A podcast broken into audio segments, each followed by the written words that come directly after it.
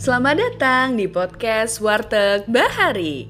Warung cinta dan keluarga menunya bikin bahagia setiap hari. Bersama saya, Dina Novita, kita akan banyak mengupas topik-topik tentang cinta, hubungan, dan keluarga bersama para sahabat.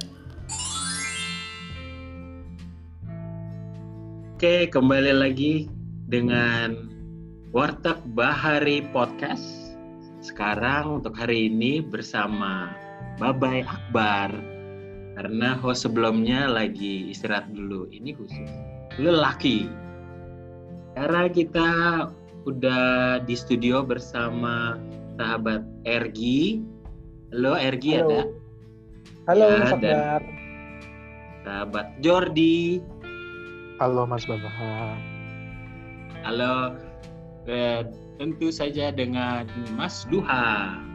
Halo Mas Babai. Halo, oke. Ya langsung aja nih ya kita eh, mau ngomongin kalau dengan topiknya tuh katanya hari ini kita mau ngomongin why do men struggle to express their feelings. Oh, ya, kenapa sih laki-laki lebih sulit untuk mengekspresikan perasaan mereka, gitu ya? Nah, kira-kira kalau menurut gue sih ya untuk saat ini bisa-bisa aja mengekspresikan perasaan. Nggak ada sulitnya. Tapi nggak tahu ya kalau dulu-dulu udah lupa. Gimana kalau dengan teman-teman ada pengalaman tentang mengekspresikan perasaan ini gitu? Ya siapa duluan yang mau mau bercerita mungkin dari Ergi atau Jordi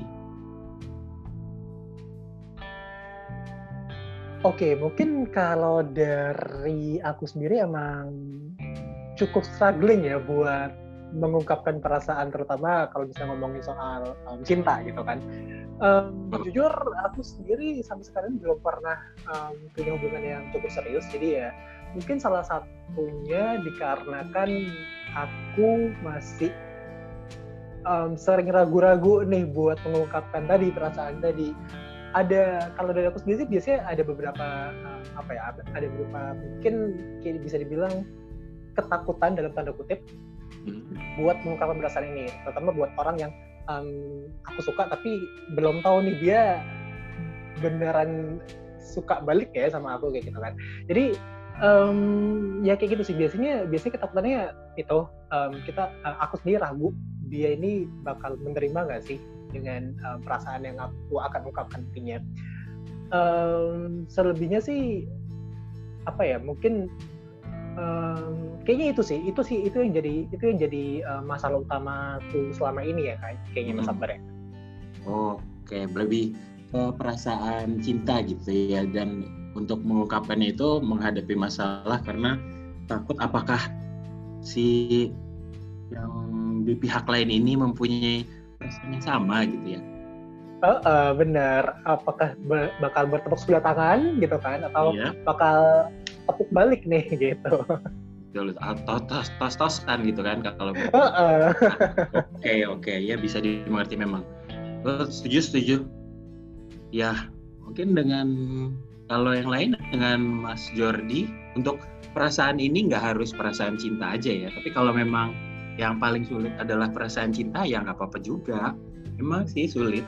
Eh, kalau tapi kalau buat saya nggak terlalu susah untuk saat ini. Iya. Ya gimana dengan em, Mas Jordi mungkin sahabat Jordi apakah ada eh, yang bisa di share dibagikan dengan ki- kita Ya Mas Babai.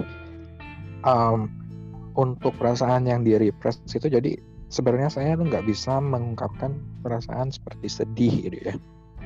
Sedih. Eh, sedih biasanya kalau nangis ya nangis tapi nggak di depan orang, memang di belakang. Malam-malam ya, sambil dengerin lagu apa di masif gitu. Sedih-sedih. Nah, em, jadi keluarannya itu ketika repress emosi sedih, akhirnya jadi marah gitu ya. Marahnya itu dalam arti nggak nggak ngerti harus ngapain gitu ya ini. Misalkan sedih karena pasangan, lalu kita jadinya marah sendiri tapi nggak mau juga melukai pasangan gitu kan. Ya. Eh, akhirnya pada akhirnya eh, jadi mukul-mukul tembok gitu. nggak ngerti harus gimana ya perasaan tembok atau betul. Iya dengan adanya perasaan sedih itu dan nggak bisa juga di manage pada akhirnya yang ada pada eh, engsel jari sakit-sakit itu aja Oh, sakit karena mukul tembok tadi ya. Hmm, iya karena Oke. mukul tembok tadi. menarik, menarik. Oke. Ada share cerita yang lain lagi mungkin dari yang dari Mas Jordi atau Mas Ergi? Oke, em, aku jadi kepikiran tadi eh, apa namanya dengan cerita Mas Jody juga. Mungkin kalau dari aku Ah. sendiri, karena kayak bisa dibilang kultur keluargaku sendiri itu nggak nggak terlalu yang em, apa ya eh, open gitu eh, buat perasaan. Aku aku ingat dari kecil tuh kayak nggak nggak terlalu sering buat ditanyain gimana perasaan kamu gitu kan, atau em, Ya, ya, ya. gimana gimana hari ini, gimana eh, seneng nggak di sekolah atau eh, ada apa di sekolah. Seingatku dari kecil tuh aku jarang untuk ditanya ditanyakan em, hal-hal itu dari orang tua aku. Jadi mungkin ini salah satu salah satu em, alasan juga kenapa sampai sekarang ini aku nggak terlalu bisa mengungkapkan ekspresi. Mungkin tadi aku bilang eh, cinta atau mungkin em, kayak dibilang Mas Jody tadi perasaan-perasaan sedih itu lebih sering aku pendem sendiri jadinya. Dan mungkin biasanya ya udah dibawa tidur aja gitu biar biar besok pagi bisa lebih um, bisa lebih apa namanya berenergi lagi gitu. Jadi um, kalau dari aku sendiri sih mungkin salah satunya itu kali ya alasannya. Tapi nggak tahu uh, apakah bisa berhubungan mungkin Mas Duha nanti bisa lebih banyak jelasin kali ya Mas ya? Iya iya iya. Betul betul. Eh, ya menarik eh, ceritanya betul juga. Mungkin karena dari kecil gitu ya kita kurang terbiasa untuk diajak berbicara tentang perasaan sehingga makin besar kita juga sulit untuk ngomong itu ya Ergi. Perasaan.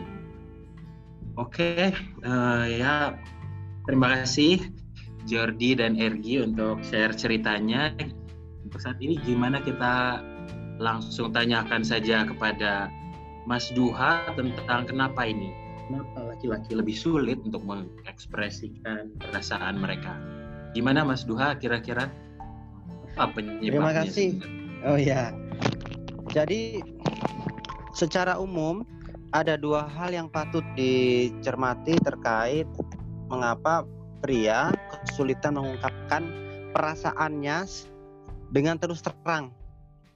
Nah, harus ada kata dengan terus terangnya ya karena sebetulnya misalnya di diam itu adalah juga bahasa Ya. bahasa tubuh lah kan gitu ya. Nah, jadi yang pertama itu adalah karena citra sosial atau, atau konstruksi sosial atau stereotip eh, sosial bahwa pria itu harus kuat. Nah, kuat itu artinya dia bisa hidup tanpa bantuan siapa pun. Yang ke yang kedua bahwa pria itu nggak boleh cengeng.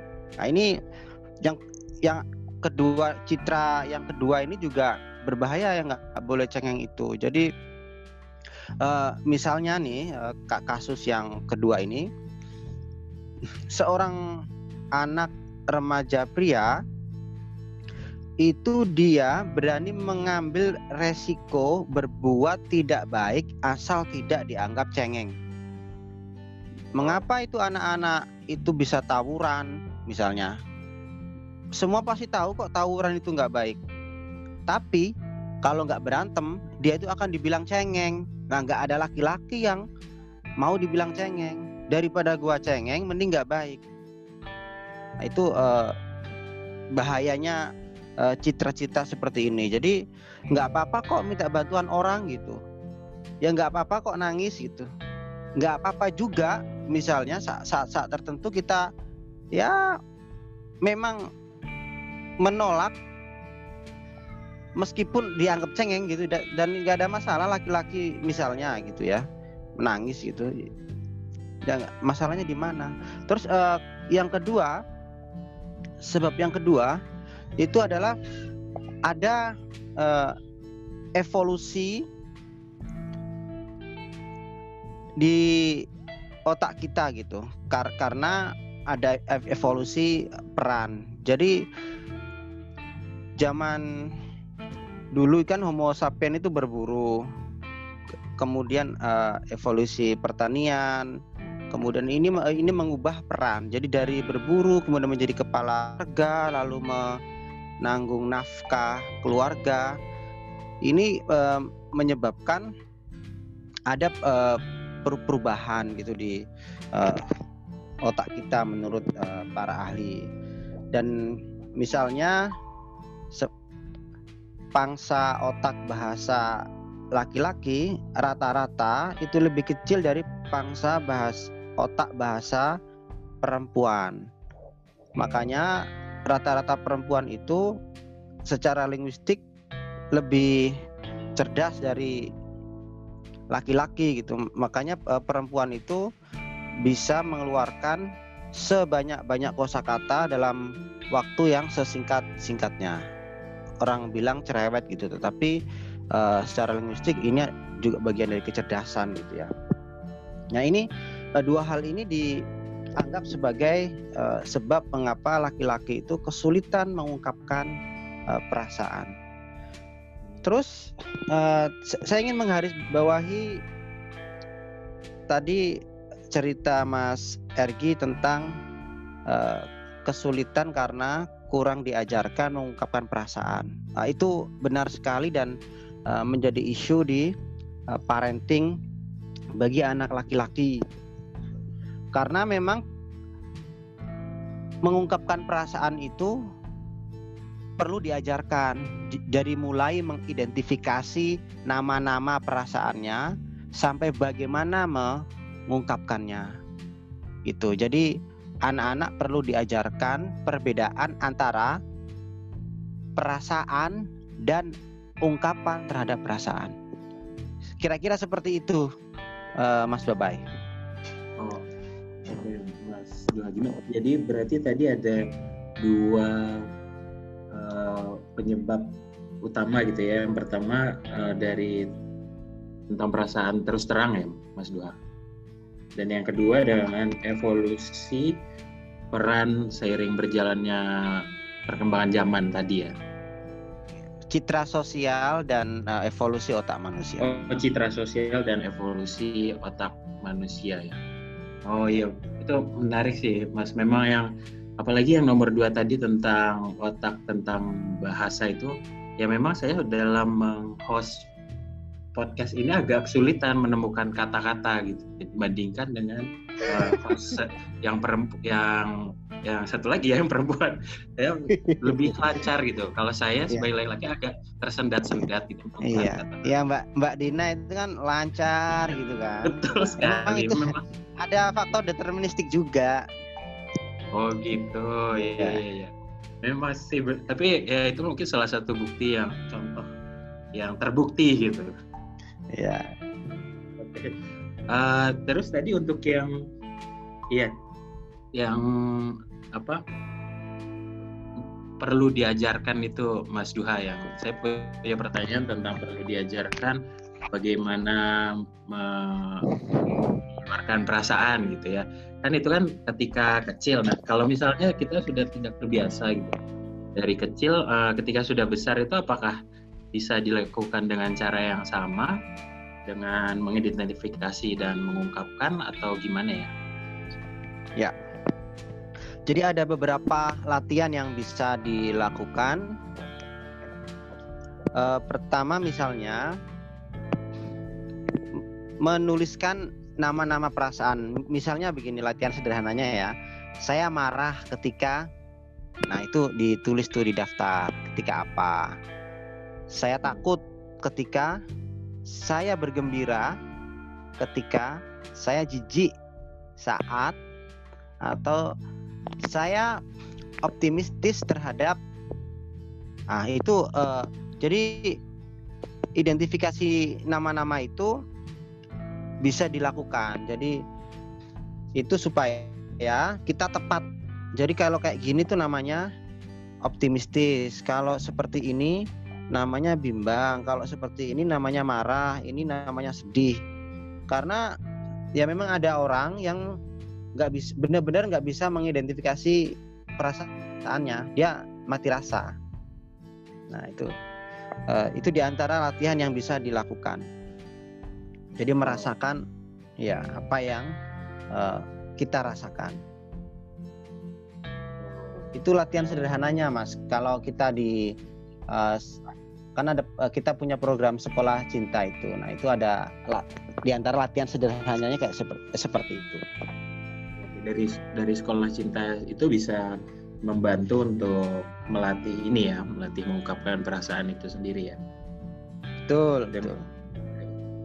Oke, da dari Mas Jordi dan Mas Ergi, mungkin ada tanggapan dari atau pertanyaan ke Mas Duha? Boleh nanya, Mas Duha. Ya, menarik sih menurut uh, tentang apa uh, repress emotional repressions um, dan juga uh, apa tata caranya gitu ya ketika sudah kita sudah menginjak dewasa gitu bagaimana cara mengungkapkan dan mengidentifikasi masalah-masalah. Nah begini mas, uh, dari fakta yang di lapangan gitu ya yang saya sering jumpai bahwa ketika ada anak laki-laki atau anak se gender apa pun gitu ya mau perempuan mau laki-laki ketika dia tidak bisa mengungkapkan perasaan dan ketika di sekolah gitu ya si gurunya atau ketika di rumah si bapak ibunya ini um, setelah bukannya menanyakan kenapa gitu ya malah memberikan hukuman ya kepada anak ini. Nah, kenapa sih perlu adanya hukuman untuk anak yang mungkin notabene di eh, quote unquote ini adalah misbehaving gitu ya. Terima kasih Mas. Ya, terima kasih Mas uh, Jordi. Nah, ini uh, kalau hukuman itu memang menjadi isu juga ya di dunia pendidikan apakah di dunia pendidikan modern maksudnya? Apakah perlu uh, anak dikasih hukuman gitu? Terus yang kalau dihukum tuh hukumannya kayak gimana gitu? Nah memang masyarakat kita itu cenderung menganggap perasaan itu sebagai bagian yang ya nggak nggak penting gitu loh. Nggak penting. Jadi akibatnya kita sering um, memendamnya dan hasilnya adalah depresi. Depresi terselubung. Depresi terselubung itu banyak diidap oleh pria. Nah de depresi terselubung itu menghasilkan tindakan-tindakan yang kompulsif. Nah bisa jadi yang menghukum itu adalah kompulsif. Jadi anak begini langsung dihukum anak begini langsung dihukum tanpa disadari gitu. Nggak nggak ada lagi pertanyaan tidak ada lagi diskusi. Nah te terkait eh, gimana ngajarin perasaan ke anak itu memang harus sejak dini sedini mungkin ya. Uh, jadi ketika ini uh, contoh kasusnya ketika anak kesulitan misalnya mengerjakan puzzle gitu. Nah perasaan apa sih saat sulit mengerjakan pekerjaan itu? Ya mungkin frustrasi. Nah, orang tua cara mengajarkannya tuh kayak gini. Oh, lagi frustrasi deh, gitu. Memang pasal tuh sulit. Kalau kita dihadapkan pada sesuatu yang sulit, kita jadi frustrasi. Nah, akhirnya nanti anak tuh tahu bahwa oh kalau ini namanya frustrasi, sehingga dia akan ngomong, aduh mah uh, aku lagi frustrasi gitu jadi dia nggak banting mainannya nggak banting puzzle-nya kayak gitu nah yang seperti ini pendidikan terhadap cara mengungkapkan perasaan itu secara umum masih kurang di uh, society kita itu uh, tanggapan saya Mas Jordi Oke, terima kasih Mas Duha. Gimana Mas Jordi? Sudah cukup jelas? Ya, cukup jelas. Oke, dari Mas Ergi, apakah ada lagi yang mau ditambahkan gitu? Um, jadi kalau ngomongin soal um, society, ini kan agak susah nih mas kalau mengubah cara pandang society itu um, gimana dari kita sendiri sebagai laki-laki bisa beradaptasi sama cara pandang society ini mas? Ya, Terima kasih uh, Mas Argi. Ya, uh, tadi kita uh, menyebut society karena untuk uh, menggambarkan kondisi umum di uh, masyarakat kita ya. Nah, yang ini supaya tahu bahwa kita tuh terlahir di lingkungan seperti itu sehingga kita punya pekerjaan untuk uh, sebagai bahan refleksi bahwa kita tuh kemungkinan kayak gitu kita tuh kemungkinan orang-orang yang kurang bisa mengekspresikan perasaan. Nah, tugas kita sebagai individu adalah belajar bagaimana kita bisa mengungkapkan perasaan itu dengan terus terang dan jujur. Nah, itu itu tugas kita. Jadi kalau kita marah, mulai sekarang nih kita harus tidak perlu takut untuk bilang, eh Mas Ergi, gue marah lo sama lo, telat, udah tiga kali telat nih janjian. Nah, kayak gitu, ini kan butuh keberanian ya untuk untuk membela perasaan kita. Jadi nggak apa-apa kok bilang marah. Emang masalahnya di mana kalau saya bilang marah misalnya ke Mas uh, Jordi misalnya atau ke Mas Egi uh, Mas Jordi saya marah lo sama kamu gitu saya pikir nggak ada masalah gitu yang nggak yang nggak benar itu kalau saya ngamuk maki-maki ngelempar ngelempar. Ah, itu nggak benar jadi ungkapannya ungkapan terhadap perasaan itu nggak benar tapi kita mengung kita bilang perasaan kita menyatakan perasaan kita perasaan apa pun itu nggak ada masalah. Karena perasaan itu netral. Yang dihitung itu adalah ungkapannya. Kayak gitu mas. Hmm. Oke. Okay. Nah, terus kalau kayak gitu mas, gimana cara kita sendiri ini buat mengontrol um, perasaan tadi supaya nggak kelewat batas, supaya nggak jadi um, ngamuk tadi kan, supaya nggak jadi um, apa namanya, ya masih bisa kekontrol di perasaannya. Ada ya. ada tips-tipsnya nggak sih mas? Iya. Cara yang paling aman adalah mengungkapkan nama perasaan dengan bahasa. Kalau kita cinta ya kita bilang cinta, bilang I love you. Kalau kita marah ya kita bisa bilang I'm angry with you. Nah, itu adalah batas. Itu batasnya. Makanya kita butuh mengenali nama-nama perasaan itu supaya kita bisa mengungkapkannya dengan bahasa. Kalau kita marah nih ke orang, lalu kita ngumpat, nah itu kan berarti kita tidak memberikan nama terhadap perasaan itu. Yang muncul adalah ungkapan umpatannya itu. Jadi sudah melenceng. Jadi uh, cara mengontrol gimana? Ya kuncinya uh, menuliskan nama-nama perasaan tadi ya. Iya, itu latihannya supaya kita tidak salah. Ya, karena bi bi bisa bisa jadi salah antara uh, marah dan kecewa kayak gitu. Bisa jadi salah. Kan mirip-mirip tuh. Berarti ini butuh makanya kita juga dong.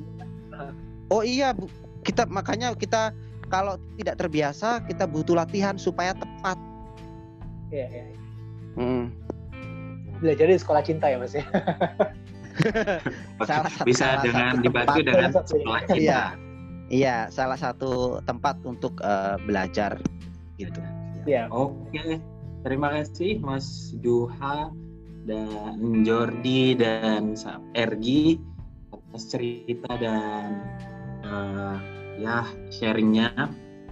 Mungkin uh, kar karena keterbatasan waktu untuk saat ini kalau boleh mengambil kesimpulan itu kalau dari yang tidak kita diskusikan tadi itu yang pertama uh, kita itu jadi laki-laki jadi lebih sulit mengekspresikan karena pertama karena citra bentuk citra sosial dan karena terbentuk dari evolusi peran gitu ya.